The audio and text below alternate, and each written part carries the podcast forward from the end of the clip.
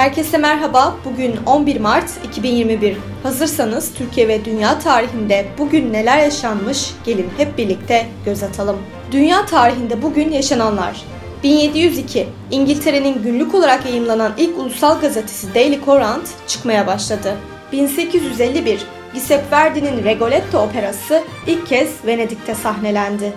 1917 Birinci Dünya Savaşı'nda İngilizler Bağdat'ı ele geçirdi. 1976 Eski ABD Başkanı Richard Nixon, Şili'deki seçimler sırasında Salvador Allende'nin seçilmesini önlemek için CIA'ya emir verdiğini itiraf etti.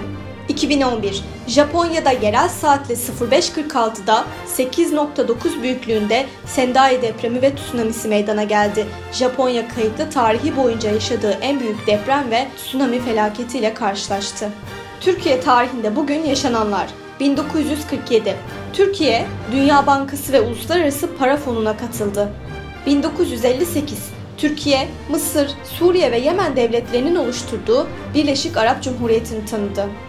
2020 Dünya Sağlık Örgütü COVID-19 salgınını pandemi ilan etti. Aynı gün Sağlık Bakanı Fahrettin Koca, Türkiye'de ilk COVID-19 vakasının görüldüğünü açıkladı. Bugün doğanlar 1884 Türk öykücü Ömer Seyfettin dünyaya geldi. 1886 Türk asker Türk Kurtuluş Savaşı komutanlarından ve genelkurmay başkanlarından Kazım Orbay doğdu.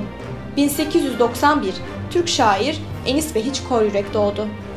Bugün ölenler 1914 Türk asker ve Osmanlı'nın ilk pilotlarından Tayyareci Nuri Bey hayatını kaybetti.